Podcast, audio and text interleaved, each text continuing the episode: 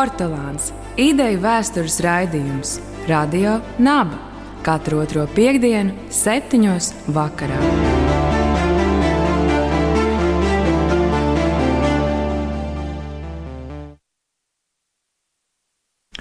Dāmas un kungi, labvakar!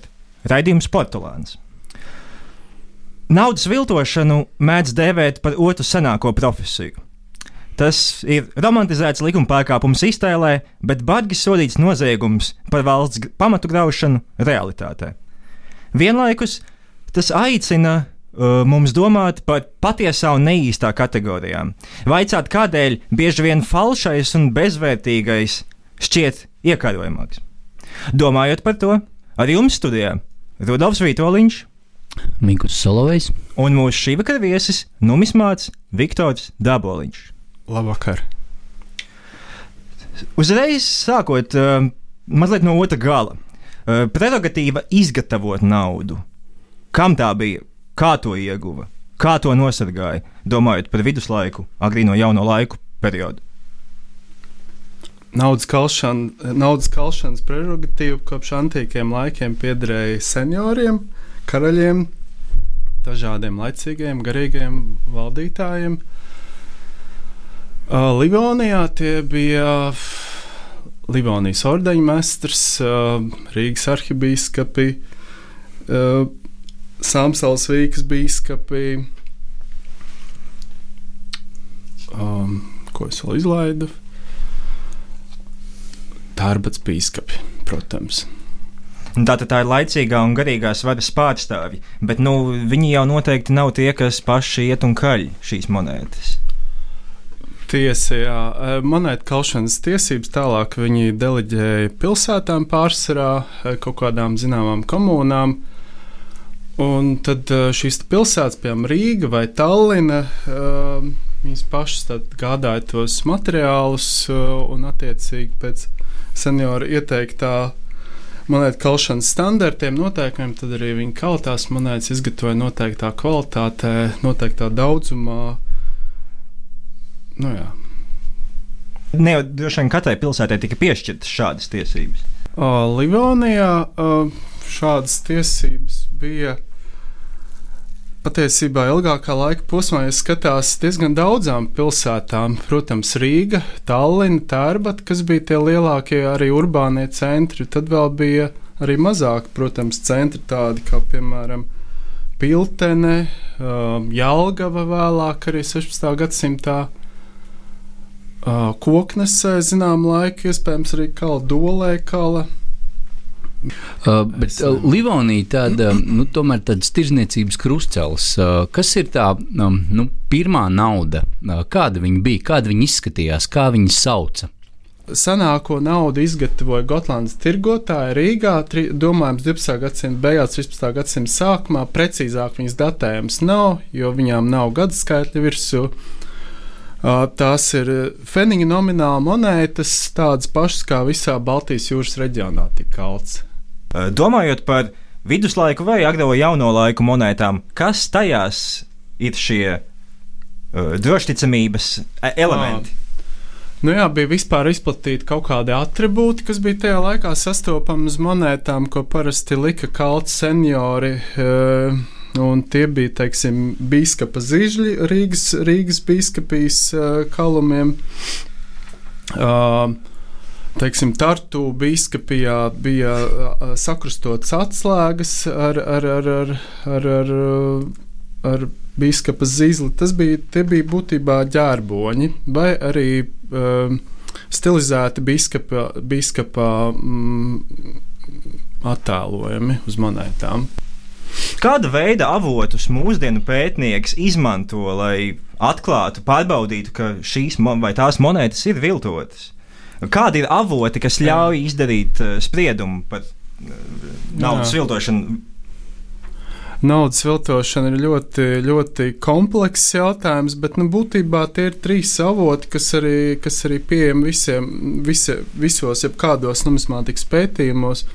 Tie ir rakstītie avoti, Tie ir uh, arheoloģiskos izrakumos iegūtie materiāli, un tās ir kolekcijas, uh, kuras uzkrājušās no kopš senākiem laikiem, teiksim, kopš 16. un 17. gadsimta Livonijas kontekstā. Nu, bet, ja mēs veicam kādus izrakumus, iedomājamies, un mēs atrodam kādu monētu, Jā. tad kur mēs dodamies un kas ir tie kriteriji, pēc kuriem mēs varam pateikt, vai tā monēta ir viltota vai viņa ir īsta? Nu, tradicionāli, kā man ir, uzska, man ir zināma muzeja pieredze, tad, tad cilvēki nāk uz muzejiem. Tas laikam būtu pirmā vieta, kur viņi nāk, ja viņi grib speciālista viedokli uzklausīt. Nu, protams, ir vēl mūžīgās, bezgalīgās internetāras, bet viņas nav tik uzticamas, lai, lai pārbaudītu, vai tiešām šī monēta ir, ir, ir, ir īsts apgrozības līdzeklis, vai tas ir pakaļdarinājums vai viltojums. Tā kā, nu, tās iespējas ir stipri ierobežotas. Protams, var mēģināt arī kaut kādas ķīmiskās analīzes veikt. Mm. Uh, var, uh, Bet, nu, jā, visdrīz, visdrīzāk eh, runa ir par muzejiem. Jo tieši muzejos glabājās monētu kolekcijas, un tur pārsvarā ir kāds, kas par viņām atbild, un, un kas varētu arī, varētu arī atpazīt tos priekšmetus no, mm. no pārējiem. Bet kas ir tās pirmās pazīmes? Nu, jūsu rokās nonākta monēta, kam jūs pievērst uzmanību? Pirmkārt, droši vien attēlu kvalitāte. Uh, nu, tāpēc, ka viltojumiem ir, ir ir, ir zināms tipisks, tipisks kļūdas, kas ir novērojams. Tas ir teiksim, grafiskie attēli parasti bieži vien ir anahroniski, teiksim, spiedņi ir savienoti neloģiski. No dažādām monētām, piemēram, sajukuši, teiksim, monētas ir izgatavotas no vara un apsudrabotas, un tāpēc nāk, teiksim, uz āru redzam, ir varš. Um, Citos gadījumos, ja teiksim, monēta ir izgatavota kā uh, ir atlieta, tad ir īpaši no, tad ir pamanāma virskārta, ir tāda poraina. Redzēt, kā, nu, viņa, nav, viņa nav gluda, kā viņai vajadzētu būt. Un treškārt, ja monēta ir bijusi apgrozībā, ja viņa ir kalta senos laikos, viņai vajadzētu būt tādai tā kā, zināmai tā kā nodiluma pakāpē vērojamai. Un, ja viņa ir pilnīgi spīdīga, spīd un laistās, tikko no, no bankas izņemta, nu, tad, tad, ir, tad ir aizdoms par, par monētas uh, patiesumu. Un domājot jau par konkrētiem gadījumiem Livonijā, uh, par kuriem arī tu esi pieskāries savā pētniecībā, tad uh, kādi globālie sociāla-ekonomiskie notikumi vai procesi ir fons kādiem tev spilgtākiem piemēriem no naudas viltošanas Livonijas reģionā? Uh, nu, plašāks sociālais-ekonomiskais uh, fons, protams, ir ļoti noderīgs, lai pētītu viltojumu izgatavošanas vēsturi, bet kopumā nu, vienmēr jau var piemeklēt kaut kādu fonu. Manuprāt, ir vairāk jāpievērš uzmanība tieši uh, noteiktiem konkrētiem apstākļiem, vidēji personāžiem iesaistītajiem. Jo kopumā vienmēr var atrast iemeslu, lai viltot monētas. Un tie galvenie, protams, ir apstākļi noteicošie. Ir nabadzība, naudas trūkums, piemēram. Um, teiksim, um, kopīga, kopējais zemais izkalto monētu, kop, zemā monētu kvalitāte. Jo bieži vien ar monētu viltošanu gluži tā nevarētu teikt, bet monētu provis samazināšanu nodarbojās paši meistari, paši meistari un seniori. Līdz ar to nu, samazinot šo monētu kvalitāti, neziņojot to plašākai publikai. Un, un tas arī, protams, grāva kaut kādā ziņā sabiedrības uzticību šai naudai, un tāpēc bieži vien tas varbūt arī motivēja kaut kādus nu, individus, uh, individus uh, nodarboties ar pašdarbību, vienkārši mēģināt pašiem izpausties un nopelnīt negodīgiem līdzekļiem. Bet tad arī jūs pētījumā jūs minat, ka bija arī plaši viltojumi ārpus Livonijas. Vai to var uzskatīt arī par tādu politisku pasūtījumu, lai destabilizētu situāciju? Jā, tas ir, protams, ļoti interesants jautājums, ir visādi mēģinājumi skaidrot um, uh, monētu, monētu izplatību Livonijas teritorijā. Ir zināmi vismaz kādi divi, trīs gadījumi, kad ir ārpus Livonijas teritorijas kalti Livonijas kalumi, teiksim, 1490. gados Polotska, kas ir uh, tuvākā būtībā liel, lielpilsēta uh, Krievijā, un tur ir izgatavota Livonijas ordeņa maistra Johana Freitāga von Loringhofen cēsu šiliņi. Ir zināms, ka uh, Livonijas, Livonijā ir ievests puslasts šiliņi, kas uh, veicot zināmas aprēķinus, noved pie secinājuma, ka, varā, ka varētu būt runa par kādiem 800 tūkstošiem šiliņu. Tas ir viens no senākajiem gadījumiem. Uh, tad ir, uh, protams, visādi margināli gadījumi. Tur, piemēram, 1591. gadā Jālgavā pieķer uh, kādu Otto Teifela zemnieku ar dažām falšām monētām. Uh, Un tad notiek attiecīgi arī pratināšana, kur noskaidrojās, ka nu, viņš vienkārši ir tirgojies laišmalā ar, ar, ar miežiem, un tur viņš ir ieguvis tās, tās monētas. Tur, protams, nav nekāda. Um, Nav nekāda politiski plašāka seguma tai monētu viltošanai. Nu, visplašākais, laikam, un arī vislabāk zināmais gadījums ir uh, saistāms ar, ar mūsdienu Rumānijas teritoriju. Sučavā 1660. gados ir, ir masveidā viltot Rīgas pilsētas un Zviedru karaļu kaltuvas šiliņi. Un, um, balstoties uz latviešu numismātu Aleksandra Platbārsta uh, aprēķiniem, varētu būt runa par kādu pusmiljardu vismaz uh, viltoto Rīgas šiliņu. Nu, lūk, šeit īsti nevar, nevar varbūt pateikt, ka, ka tā ir. Ka šo šiliņu kalšana, tas galvenais, galvenais motivators bijis iedragāt, teiksim, pretinieka vai, vai kādas teritorijas monetāro, monetāro tirgu vai, vai maksātspēju. Bet uh, to, protams, nevar izslēgt. Uh, man bija vēl viens gadījums, bet es esmu aizmirsis, kur, kur, kur varēja tiešām pateikt konkrēti, ka, ir, ka tur ir politiski, politiski izreikināšanās, bet es tagad nevaru atrast to fragment. Vienā no saviem rakstiem tu piemini tādu parādību kā sudraba iztrūkums, kas, kā es saprotu, ir uh, ne tikai šī reģiona viena uh, parādība. Vai varbūt tu vari to komentēt? Jā, tā ir visai interesanta parādība, kas ir maz pētīta Livonijas uh, naudas kalšanas kontekstā, un, un runa ir par, uh, nu jā, to sauc reizēm par sudraba vai naudas badu, kā uz to skatās. Uh, nu, tā ir um, tā būtībā tas ir um, tāls atblāzmas no globālajiem procesiem monetārajā tirgu, kur notiek svārstības piedāvājumā un pieprasījumā pēc zināmiem cēlmetāliem. Un šīs svārstības pamatā noteica attiecības starp zelta un sudraba cenām. Um, Un līdz ar to, kādā brīdī sudrabs kļūst teiksim, dārgāks, tad kādā brīdī viņš kļūst lētāks. Automātiski, tad, kad kļūst lētāks, tad pieprasījums ir lielāks. Uh, un, un tās līknes nosaka to, ka sudrabs nav vienmērīgi visu laiku vienmērīgā apjomā pieejams tirgu.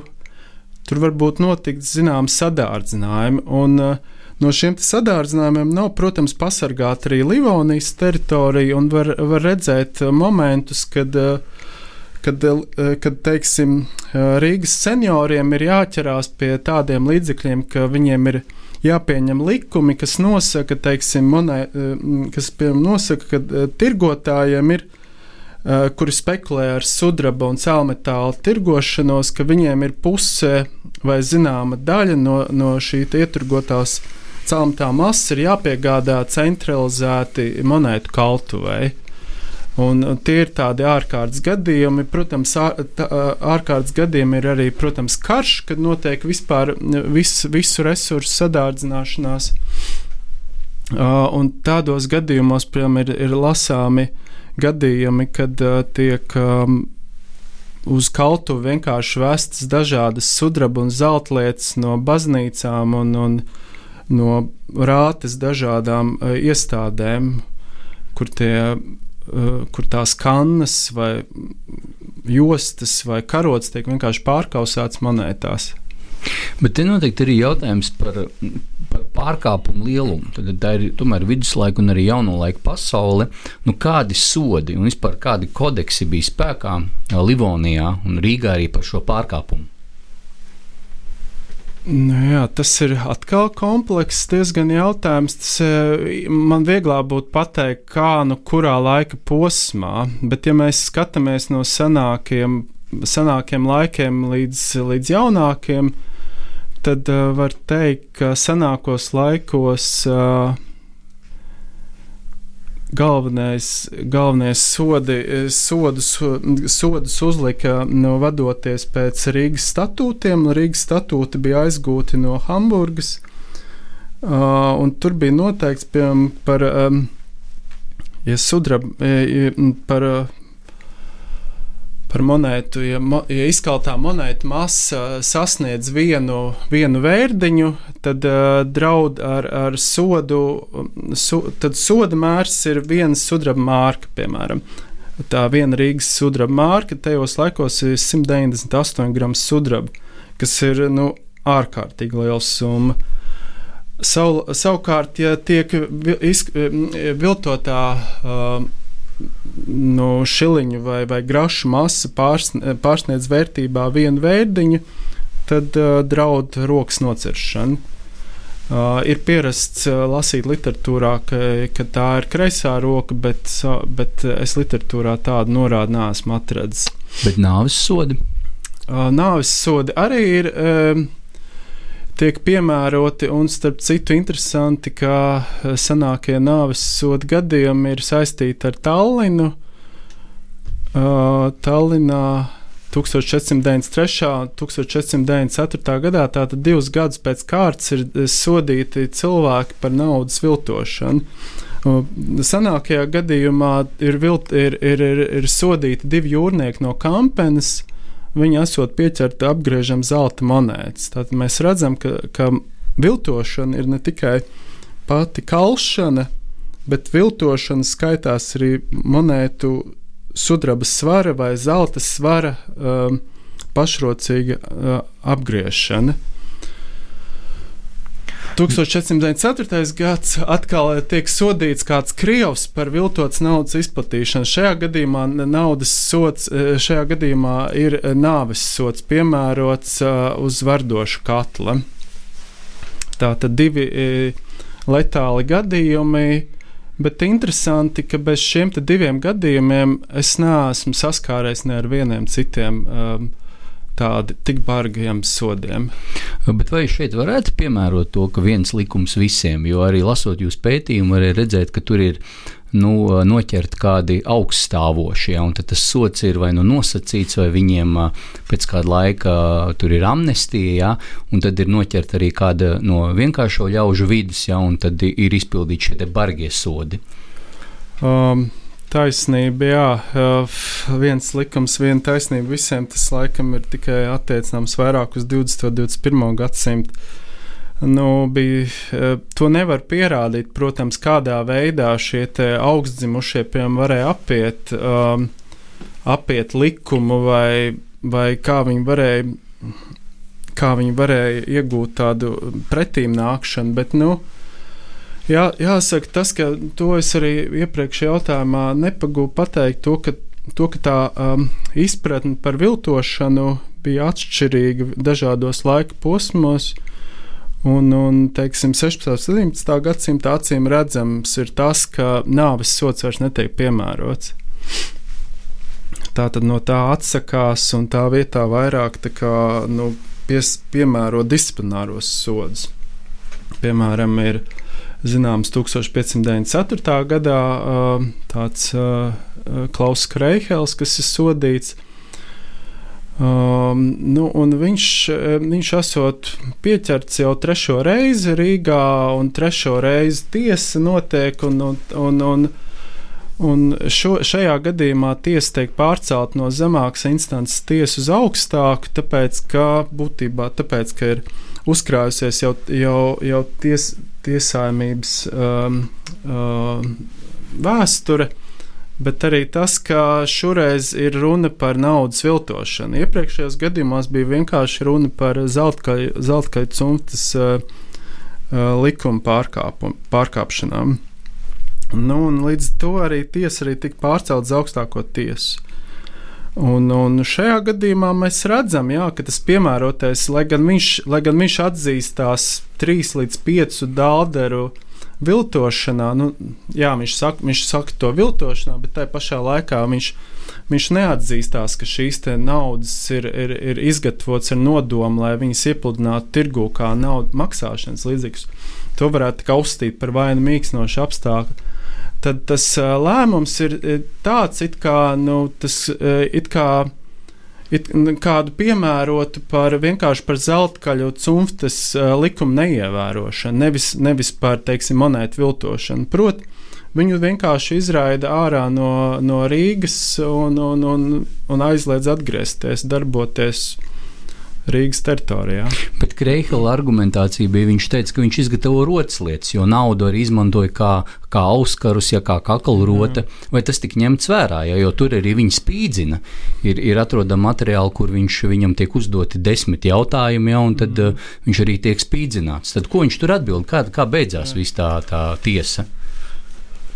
Uh, nu, um, Jāsaka, nu, viņš tur visādi aizplīvorot mēģināja, un tajā tiesas prāvā tur, tur ir grūti, cik esmu mēģinājis izskot, tur grūti izsekot tam viņa, viņa domu gaitai, un, un, jo tāpēc, ka tiek vēl, bez viņa vēl tiek arī pieaicināti divi liecinieki, viņa, kas strādā viņa darbnīcā, divi zeļi, un, un tās liecības atšķirās, un beigās nesaprot, cik daudz īsti tika izgatavots tie priekšmeti kādām vajadzībām, bet jā, Viņi visi atzinās arī, tā skaitā arī zeļi, ka viņi pamatā strādāja ar, ar vietējo klientūru, galvenokārt izgatavoja dažādas rotas lietas, piesprādzītas, tur gredzentiņus un tam līdzīgi. Un nevienā brīdī viņi, viņi nenodarbojās ar tieši naudas viltošanu. Un vēl būtiskākais arguments, laikam, ko tiesa, es domāju, ņēma vērā, Un to es arī mēģināju akcentēt, ka uh, viņš norādīja uz to, ka būtībā visi zeltkaļi prot izgatavot uh, monētas. Nu, tas ir kā, nu, tas ir kā, nu, viņa aroda prasme tiek tādā ziņā, nu, aroda prasmēm tas ir atbilstošs. Pra, viņa profesijai atbilstošas prasmes viņiem tās bija. Un, un, tas, un viņš saka to, ka tas viņu automātiski nepadara par uh, par viltotāju, ka viņš prot uh, izgatavot medaļas, tāpēc ka būtībā visi zeltkaļi to prot. Bet uh, sarunas gaitā tu iezīmēji vārdus uh, fēniņi, dukāti un tam līdzīgi. Es pieņemu, ka daudz klausītāju šos vārdus varbūt neatšķir. Varbūt tu varētu iedot tādu nelielu ieskatu šo Livonijā sastopamā naudas vienību klasifikācijā un vērtībā, atšifrēt šos jēdzienus. Um, diezgan sarežģīts jautājums, bet uh, nu, tie visi feniņi, dukāti, dāldi ir tie visi nomināli nosaukumi, kas mainījās laika gaitā. Senākos laikos tātad Livonijā un Rīgā tika kalti būtībā tikai viena nomināla monēta, tikai feniņi. Vēlākos laikos parādās 15. gadsimta sākumā parādās šiliņi, uh, zekseri un visādi citādāki nomināli. Uh, Tā skaitā arī slavenie vērdiņi. Uh, 16. gadsimtā parādās arī dālderi. Būtībā mainoties valdniekam, mainās arī nomināli. Tāpēc, kā poļu laikos ir poļu monetārajā sistēmā ir savi nomināli, zviedru monetārajā sistēmā ir savi nomināli. Līdz ar to tas tāds tā, tā īsumā. Bet, ja mēs lasām latviešu tautas pasakas, uh, uh, nu, ja mēs meklējam, kad viņas ir radušās, tad tā naudas vienība, kas tiek izmantota, varētu dot mājienu pa laika posmu, kurā varbūt šis stāsts ir radies vai, vai apaudzis ar kaut ko. Uh, tā varētu būt viens no pavadieniem. Vai arī vienkārši visas senās monētas tiek sauktas par dukātiem? Jā. Tas ir, tas ir interesanti. Jā, es nezinu, pasaku ģenēzi tik labi. Es zinu, ka tautas dziesmas ir senas. Tur, man liekas, senākās ir no 17. vai 16. gadsimta zinām. Tādos gadījumos, jā, varētu pateikt, pēc lietotā nomināla, pateikt, kurā laikā tad datēt jā, to, to rakstīto avotu, bet vai pasaks var izmantot kā avotu, es par to neesmu pārāk drošs. Viņas varētu būt arī apaugušas vēlāk ar kaut kādu informāciju, kā mutvāra tradīcijā. Protams, jā, jā, tāpēc, ka zināmi nomināli bija tautās iegājās, viņi kļuva tik ļoti populāri, ka viņas lietoja bez īpašas izšķiršanas, vai tas tiešām bija dukāts vai tas bija dalders. Mēs patiesībā nekad nepateiksim, vienkārši tie tie nomināli viņi kļūtu par, ta, sastāv, par tautas valodas sastāvdaļu. Un tuvojoties sarunas izskaņai, varbūt mazliet atgriežoties pie šīs uh, naudas, uh, viltotās naudas vērtības mūsdienu numismāta acīs. Uh, vai tu vari paraksturot kādu vienu uh, īpašu atradumu, kādu īpašu monētu, kas nav īsta? Kandidāti droši vien būtu vairāk, bet man mīļākais ir uh, saistīts ar Ziemeļkara laiku un 1701. gada dukāta izgatavošanu. Tas, ko, tas ir, ko esmu personīgi arī atklājis. Um, Tur gan, protams, var būt diskusijas par to, vai tas ir viltojums, tāpēc, ka tās monētas nonāca apgrozībā un neviens īpaši neapšaubīja viņu, viņu, viņu patiesumu. Bet jā, 1700. gadā uh, 700. gadā, tas, kā mēs zinām, sākās Ziemeļa karš. Un, un, uh, Rīgai atļauja Zviedru, Zviedru pārvaldnieks da, Dalbergs atļauja kalt monētas. Viņa kaļa trīs pelherus, un tad vienā brīdī kaļa arī 700. gada dukātus. Un tad uh, gada nogalē nomirst, nomirst monētu meistars Georgs Albrechts Hille, un viņa vietā stājās viņa brāļa dēls, laikam, Johans Kristians Hille. Viņš kaļ tos pašus trīs pelherus, un tad vienā brīdī parādās 1701. gada dukāti. Un, kā izrādās, viņi kalta nelikumīgā ceļā monētu. Monētu uzraugs vēršās pie rātes, saka, ka nu, mums tā apgrozībā ir nonākuši 701. gada dukāti, un kas notiek. Un, um, Un tad atklājās, ka tiek veikta izmeklēšana, un atklājās, ka šis Johans Kristians Hille ir, viņš ir pašrocīgi paņēmis tos uh, 700. gada uh, dukātu spiedņus. Uh, acīm redzot, ir viņus pielabojis sev vajadzīgā veidā, atzīmēdams gadu un, teiksim, izlabodams arī monētu meistara iniciālus un ir izskals dukātus. Uh, Neviens īsti nezina viņa motivāciju, nav zināms arī cik daudz ir izkauts monētas, bet nu, tā viņas arī nonāca, nonāca apgrozībā. Un kas ir ļoti interesanti, arī viņas līdz pat neseniem, neseniem laikiem tika atributēts kā Johana Georga Hilles kalumi. Taču, jā, pētot tos avotus un arī analizējot šos iniciālus uz monētām, es sapratu, ka nu, viennozīmīgi tas Johans Kristians Hille. Mhm. Vai šodien arī sastopami piemēri, kur ar atpakaļējošu datumu tiek viltots, vai vispār tāda problemātika taču pastāv, ne? vai kādi varbūt piemēri? Uf, varbūt ne gluži viltojumi, bet uh, nu, visādi pakaļdarinājumi un suvenīri monētiņas ir sastopams visur. Un, un to, to, to, tādu monētu izgatavošanu nav neregulē nekāds likums, bet nu, viņas ir interesants piemiņas lietas un, un piemiņas lietas no vietas, kur ir cilvēks bijis viesojies. Un, un viennozīmīgi nu, ir, ir pie kā atgriezties. Jā. Bet, ja radionomas klausītājs kādu rītu pamostās un viņš iedomājas, es aiziešu apskatīties kādu viltotu monētu, kur Rīgā var apskatīties, kur var redzēt, teiksim, viltotu monētu? Nu, var sākt teiksim, ar Rīgas vēstures un kuģniecības muzeju. Tur ir smuka ekspozīcija, atrodams, nu, atrodams vairākas izgatavotās monētas, un tā skaitā arī kāda iespējams monētu viltotāja nocirstā plauksta. Es pieļauju, ka vairāk vai mazāk visās lielākās vai mazākās Latvijas muzeja kolekcijās ir viltojumi, un viltojums, starp citu, ir diezgan izplatīti arī. Nu, varbūt ne pārāk, bet nu, ir regulāri sastopami arī arheoloģiskos izrakumos, kuriem esmu saskāries. Un, tā kā jā, nu, visai, visai plaši izplatīta um, tāda uh, priekšmeta grupa. Viktor, paldies tev par sarunu! Un atgādinu radionabas klausītājiem, ka astotais ēles lokus pēc Dantes ir veltīts naudas viltotājiem un alķīmiķiem. Paldies jums par uzmanību, un raidījums Portugāns atgriežas pēc divām nedēļām. Jā, paldies, Viktor, uz tikšanos! Paldies!